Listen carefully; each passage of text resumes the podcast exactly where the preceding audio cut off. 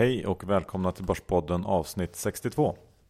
I samarbete med Avanza med mig John Skogman. och mig Johan Isaksson. Härligt att vara igång Johan, eller hur? Ja men det är skoj att köra igen. Du, det har ju varit en del eh, snack om det här poddradiopriset på slutet här. Ja, vi var inte ens nominerade. Nej, nej, tydligen var man tvungen att nominera sig själv. Mm, vi är lite för ödmjuka för det. Men eh, vi har väl gjort en liten egen undersökning kan man säga. Jag har frågat några av de bästa vdarna i världen vad de, vilken podd de tycker är bäst. Ja, så att eh, vi kan ta ett stickprov här. Vi har eh, fått in Ola Roléns röst så att eh, vi spelar upp det här. Vilka poddar lyssnar du på? Jag lyssnar faktiskt bara på en podd och det är Börspodden. Kul att höra faktiskt. Ja, men det var skoj. Men nu, nu lämnar vi det där. Vi behöver inte prata mer om det. Vad har du att säga idag John från vår huvudsponsor Carnegie Fonder? Carnegie Fonder, jo de har ju ett eh, hel del att bjuda på. Den här veckan är det Rysslandsfonden som presterar väldigt bra faktiskt. Det är kul med en eh, fondleverantör eller vad man ska säga som har Afrikafonder, Rysslandsfonder, Sverigefonder, småbolagsfonder där alla är i toppklass. Hela paletten. Och eh, just vad som är kul med Rysslandsfonden är ju att eftersom den svenska kronan har kraschat så är det ju rätt dyrt att köpa USA-fonder, Europafonder och så vidare. Men i Ryssland är det fortfarande billigt och med p-tal kring 6 i snitt så ja, man kanske ska hoppa på här. Kanske läge att gå emot ja. ja. Och som vanligt, signa upp er på deras väldigt, väldigt härliga veckobrev. Utsikt. Vi twittrar. Ja. Och sen är det så Johan, jag har ju aldrig haft en skånsk eh, kompis. Men jag tror jag fått den faktiskt. Och eh, den hette Sedermera-dagen. Eh, Sedermera är ju en liten härlig fondkommission nerifrån Skåne. Ja. Och du vet ju att jag kan prata skånska. ja, jag vet. Men jag ska inte göra det den här veckan. Eh, Det är ju så att Sedermera-dagen går av stapeln den 13 november på Waterfront Congress här i Stockholm. Där det är ett helt gäng eh, väldigt spännande bolag kommer presenteras. Vi kommer vara där, Ja. göra lite inspelningar och jag tycker ni som lyssnar också ska vara där. Man får frukost, lunch och börsbärs.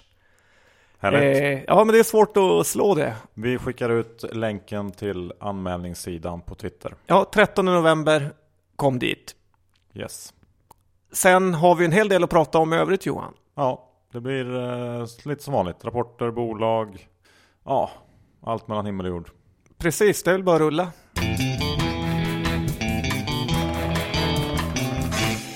Johan Isaksson, börsen är på 1410.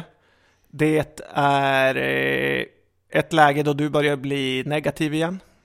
Ja John, det stämmer bra. Nu, eh, det har gått för snabbt och för långt uppåt igen. Så att, eh, nej, jag tror inte att vi går så mycket högre. Jag har börjat faktiskt ta lite korta positioner här uppe. Eh, Känner att det kan vara bra läge för det faktiskt. Kul att höra för av alla börspoddar vi gjort så har du ju varit positiv i 3 och negativ i 59. Så Ja. att jag har inte känt igen dig på några avsnitt. Nej, precis. Um, nej, kanske inte riktigt så. Men det är lite synd faktiskt. För att jag har ju varit positiv många år innan vi startade Börspodden. Eh, Så att det sammanföll ganska väl med att vi startade podden. Men eh, jag kommer att bli positiv igen. Men vi måste, det måste bli lite billigare först. Sen har jag noterat också att eh, High Yield eh, inte alls hängt med börsen eh, upp nu på slutet. Um, Så High Yield-segmentet i USA signalerar fortfarande att det är någonting som inte stämmer. Och eh, Vad är high yield? Det är högavkastande papper, hög Ja. risk. Ja, precis. Eh, ni som vill veta mer om det kan ju lyssna på vårt senaste avsnitt av Fondpodden där vi pratar om eh, delvis det här. Och där gick vi också igenom och förklara varför räntemarknaden var smartare än aktiemarknaden. Så att eh, jag hänger på de smarta. Härligt, härligt. Eh, Japans index har ju rallat som aldrig förr. Ja, Bank of Japan gick ju ut här eh, för inte så länge sedan, för några dagar sedan och meddelade att man utökar sina kvantitativa lättnader som det heter. Så att eh, förutom att köpa statspapper så köper de nu eh, ETFer och fastighetsfonder. Vilket jag kan tycka är liksom ganska sjukt. Ja, de ger sig in i börsen på helhjärtat kan man säga. Ja, och ja, jag, tycker bara att hela det här börjar... eh, Det börjar bara bli, bli konstigare och konstigare. Om vi tittar på oljan då så har ju den fortsatt ner i raketfart om man får säga så. Ja, Vad kan gynnas och missgynnas av det här? Ja, den, den enkla grejen är väl att säga att alla som, som använder olja, om det nu är företag eller eh, konsumenter, de gynnas ju av det. Och eh, stater som har mycket oljetillgångar och företag inom oljeindustrin tappar ju såklart på det. Ja, det är de här gamla fina Inquest och eh, liknande som har fin Nordsjöolja har haft det tufft. Ja, så är det ju absolut. Men eh, det är ju nästan så att man börjar bli lite sugen på att gå emot den här rörelsen kan jag tycka. Men jag har inte gjort det än. Jag har inte långat någon, någonting inom olja. Men eh, mm, jag sitter och suger lite på den. Ja, det är ett spännande läge. Jag undrar hur långt den kan fortsätta. Ska vi titta lite mer på bolag då så har ju eh, Traction varit inne och handlat igen. Mm, de ökar ju upp ganska rejält i den lilla kontraktstillverkaren Partnertech. Och Partnertech är ju ett bolag som jag tyvärr känner till ganska väl eftersom jag ägt aktier i bolaget. Eh, Och Berätta var lite om det. Ja, men det var ingen kul resa. Partnertech ser ju alltid billigt ut. Tittar man på det så ser det ju PS-tal och sådär. Det ser billigt ut och når de sin, sina mål gällande lönsamhet så är det väldigt billigt. Problemet är bara att de, det blir aldrig bättre. Det består av flera olika delar där alltid någon del går dåligt. Och jag känner att hela branschen, hela kontraktstillverkarbranschen har liksom något slags grundläggande problem i, i det sättet man tar betalt av sina kunder. Att man får för lite betalt när det går bra och när det går dåligt så kan kunderna på bara någon veckas varsel dra bort i princip all volym och då står kontraktstillverkaren där med maskiner och anställda och ja, måste själva parera det här. Så att man, man, eh, det är någonting som inte riktigt stämmer i den där branschen känner jag. Om du får välja Note eller Partnertech. Ja, jag har ju ägt Partnertech eh, tidigare så det är väl eh, det bolaget jag väljer. Men nu var det ett tag sedan jag kollade på dem faktiskt. Så att jag vet inte riktigt. Men bara en, en notering där att de gillar att göra det svårt för sig Traction. Ja, de har haft en tuff period. Ska vi titta lite på den amerikanska börsen då med Baba Johan? Har du något att säga där? Den står i 110 dollar och eh, du var ganska hård mot Avanza som gjorde reklam för den här aktien, vilket eh, måste varit en bra affär för de flesta som gav sig in i den. Ja, det måste det ha varit eftersom den är på all time high nu. Eh, Så det var väl eh, kortsiktigt fel av mig får jag säga. Eh, Men John, man kan inte bedöma en investering på två veckor utan Eh, hade man nu turen att köpa där så ska man ju sälja nu tycker jag såklart. För då är man ju, har man ju tjänat pengar och ehm, jag tror eh, det, det är ett intressant bolag. Om man tittar lite på rapporten så var det, det var bättre tillväxt än väntat men marginalen var ganska mycket sämre. Och jag tycker vi har sett det här förut i den här typen av bolag att det kostar ganska mycket att växa. Det hänger ganska väl ihop. Att man eh, växer man mer då beror det på att man har spenderat mer i marknadsföring. Och sen så är det fortfarande de här lite oklarheterna kring eh, hur bolaget styrs och eh, olika bolag som eh, finns på olika ställen och sådär. Eh, samt att det är ju en, en väldigt upphåsad sektor. Och jag tror att man kommer kunna köpa det här bolaget mycket, mycket billigare inom ja, ett halvår skulle jag säga. Så sälj nu och köp tillbaks mycket billigare. Låter eh, som ett traderråd av högsta kvalitet. Du har också varit ute i eh, USA och nosat lite Jan. Vad har du hittat? Ja Johan, jag har ju varit och tittat lite på de amerikanska bloggarna och jag gillar att följa dem. Framförallt dividendmantra.com och Dividend Growth Investor som jag tycker är härliga. Ja, Eh, Men där har ju det varit så att de har båda två åkt på en rejäl value trap av ett eh, en sån här rate som det heter i USA, American Realty Capital Property som har haft lite accounting fraud i sitt eh, bolag och i princip halverats på en eh, period eh, på grund av felaktigheter i bokföringen. Mm. Tittar man på det, eh, vad de faktiskt har gjort för fel så är det ju inte i närheten av eh, proportion till kursreaktionen neråt som den har fått. Men när det allt, Jim Cramer brukar ju säga, säga det att när det uppstår eh, oklarheter med bokföringen så är det bara att sälja och det verkar de amerikanska investerarna tagit fasta på. Så att eh, Eh, Den här aktien har ju störtdykt ner. Den ska avkasta kring 12 procent nu i, i direktavkastning, vilket är ju tveksamt om de inte är tvungna att sänka den här. Men Ja, det kan vara värt att hålla ett öga på om den inte skulle vara så farlig, den här ned, de här problemen de har. Eller om det kanske rent ut sagt visar sig vara värre mm. än vad man först mm. trodde. Ja, intressant att följa det där.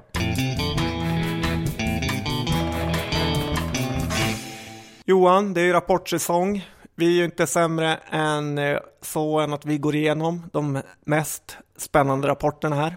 Men först har vi ett litet erbjudande för våra härliga lyssnare. Ja, ett riktigt bra dessutom. Det är så att Privata Affärer, som ju är Sveriges största tidning inom privatekonomi, där får man eh, råd om hur man ska placera sina pengar, eh, tips om fonder, aktier och allt annat som rör din privatekonomi. Och just nu så har vi ett kanonerbjudande här. Eh, gå in på www.privataaffärer.se Borspodden. Då får ni sex nummer av den här tidningen för endast 198 kronor.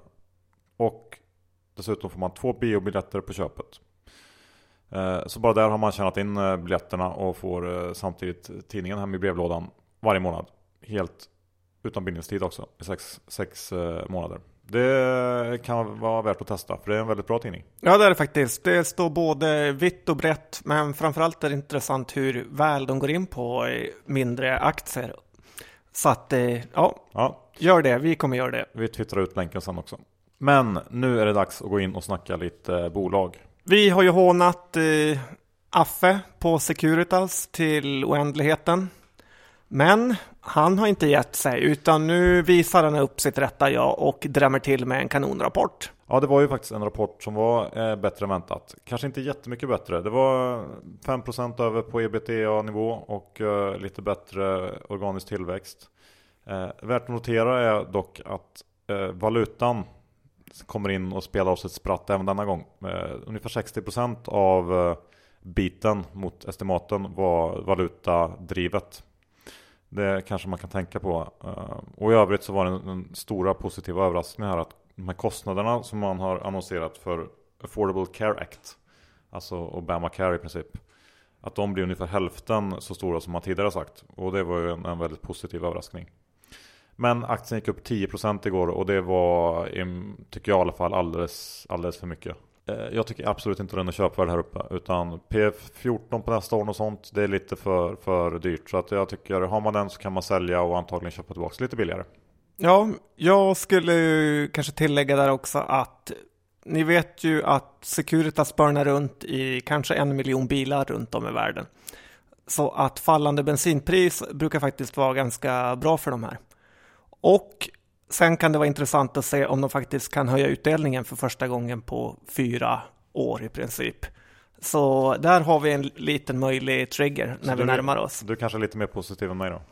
Eh, ja, men jag höjer ett varningens finger för oväntade positiva triggers. Ja, bra. Titta på Oriflame då Johan, bolaget som jag har dissat på grund av deras modell, lite som Bill Ackman har jag spelat tuff, men igår gick aktien upp 17 procent.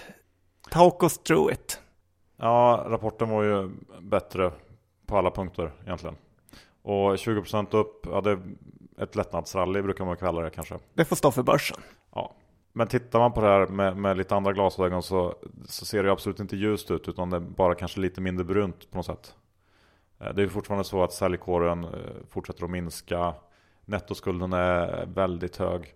Och det krävs inte så mycket för att man ska kunna se ett scenario där vi, där vi får, behöver en, en ny emission i Oriflame.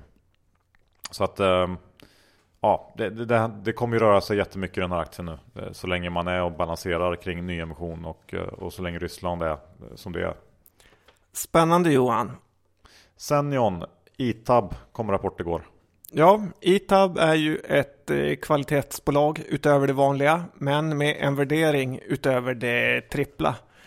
eh, det är så att, eh, som vi brukar säga, man ska köpa aktier när det är billigt och eh, inte när det är dyrt. Och nu har ju ITAB-aktien ballat ur i princip i värderingsmässigt. Det var en gång en fondförvaltare som uttryckte säger att det har tagit slut på aktier och eh, det är lite den känslan man får här när den går upp eh, till oanade höjder. Än en gång, det här kassasystemet, de håller på med en fruktansvärt liten del av ITAB och det stora är att sälja butikshyllor och lampor. Så ja, var försiktiga, den är inte köpvärd på 140 enligt Börspodden. Nej, om vi tittar på Svedbergs då?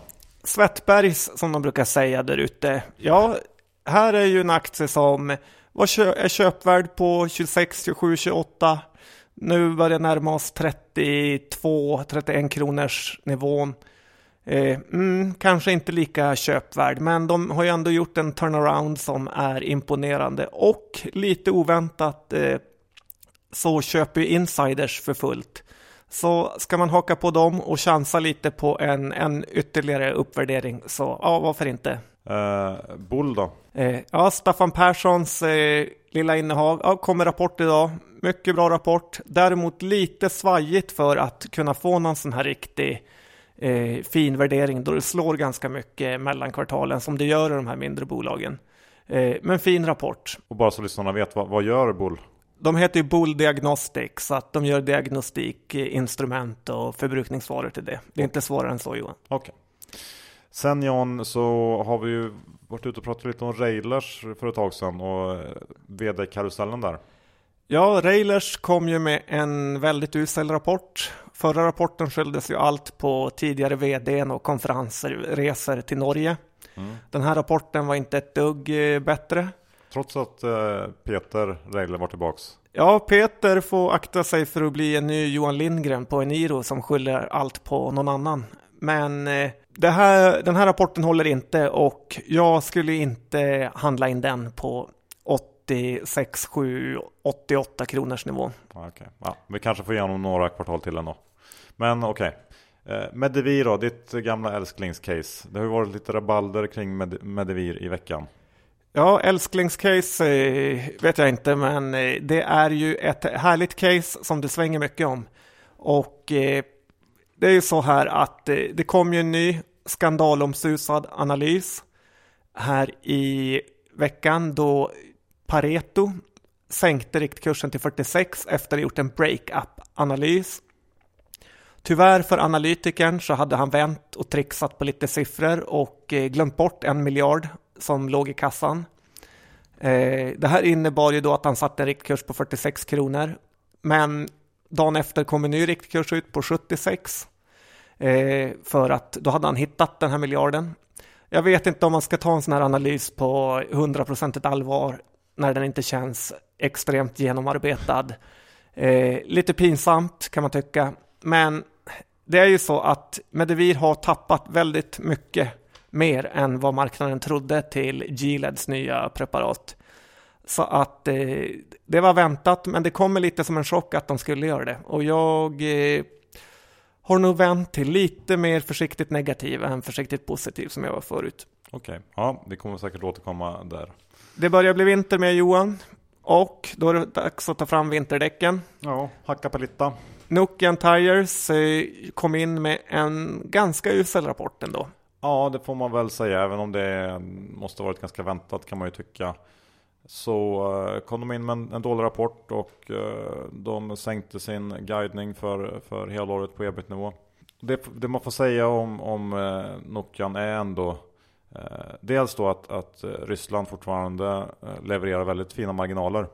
Över 30-procentiga e, ebit-marginaler ser ut att landa på i år där, vilket är imponerande. Och att, att hela bolaget är väldigt lönsamt. De uppvisar marginaler över 20% på rörelsenivå. Eh, men sen så är ju Ryssland såklart fortsatt en stor osäkerhet för eh, både aktien och bolaget. Och eh, det gör ju att den här aktien kommer att vara väldigt svajig framöver. Men det man har som man kan luta sig tillbaks mot ändå är den starka balansräkningen och utdelningen som ser ut att ligga på kring 5% i direktavkastning. Och det tycker jag ändå mm, begränsar svajigheten neråt en del. Så att eh, jag, jag är fortsatt intresserad av Nokian Tires. Eh, och tycker att man är man långsiktig så kan man liksom köpa in lite då, och då när den eh, åker ner. Jag kan också tillägga att den är extremt blankad den här aktien. Så att kommer det någon, någon positiv nyhet så mm, kan det finnas rejält med bränsle uppåt också. En annan aktie som är väldigt blankad är Elekta Johan. Det har ökat i blankningar sista veckorna.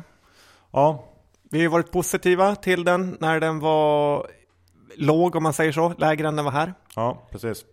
Vi körde ju en köprekommendation här för tre, fyra veckor sedan i veckans aktie. Den stod kring 70 och sånt va. Nu listar man på stå så är man upp eh, knappt 10% kanske. Och eh, det kanske kan vara läge att ta hem nu för en kortsiktig vinst. Det är aldrig fel. Ja, sen har vi ju fått höra ju mer vi har grävt att eh, det finns de som är lite oroliga för Elektas eh, redovisning och eh, möjlighet till att eh, intäktsföra ordrar innan de riktigt har verkställts. Ja, det är väl därför den är så korta som den är. Och det där caset verkar ju fortfarande vara levande hos många. Så att, vem vet, det är alltid lite osäkert när det är den typen av, av saker som skulle kunna dyka upp. Så att, ja, ta hem en snabb vinst nu. Ja, i tider som dessa. Så där är John, avsnitt 62 klart. Carnegie Fonder, signa upp er på dem. Ja, ni vet vad ni gör det. Carnegie.se, inga konstigheter. Och senare dagen. 13 november, kom dit med oss om ni vill lära er om eventuella kursdubblare, tripplare, kvadruplare och så vidare. Det är börsbärs, lunch och frukost. Var anmäler man sig? Sedermeradagen.se och länk twittras ut. Precis. Och missa absolut inte vårt kanonerbjudande ifrån privata affärer. Eh, ni får nu sex nummer för 198 kronor plus två biobiljetter på köpet. Eh, då får ni hem tidningen varje månad och det här är helt utan bindningstid så att eh, ett utmärkt tillfälle att testa en väldigt eh, läsvärd tidning i våra ögon. På riktigt papper. Så Johan, då återstår väl inte oss för oss mer än att säga att kommentera gärna något på Twitter om det är något ni undrar över. Ja. Facebooks och Gmail. Ja, det har vi också.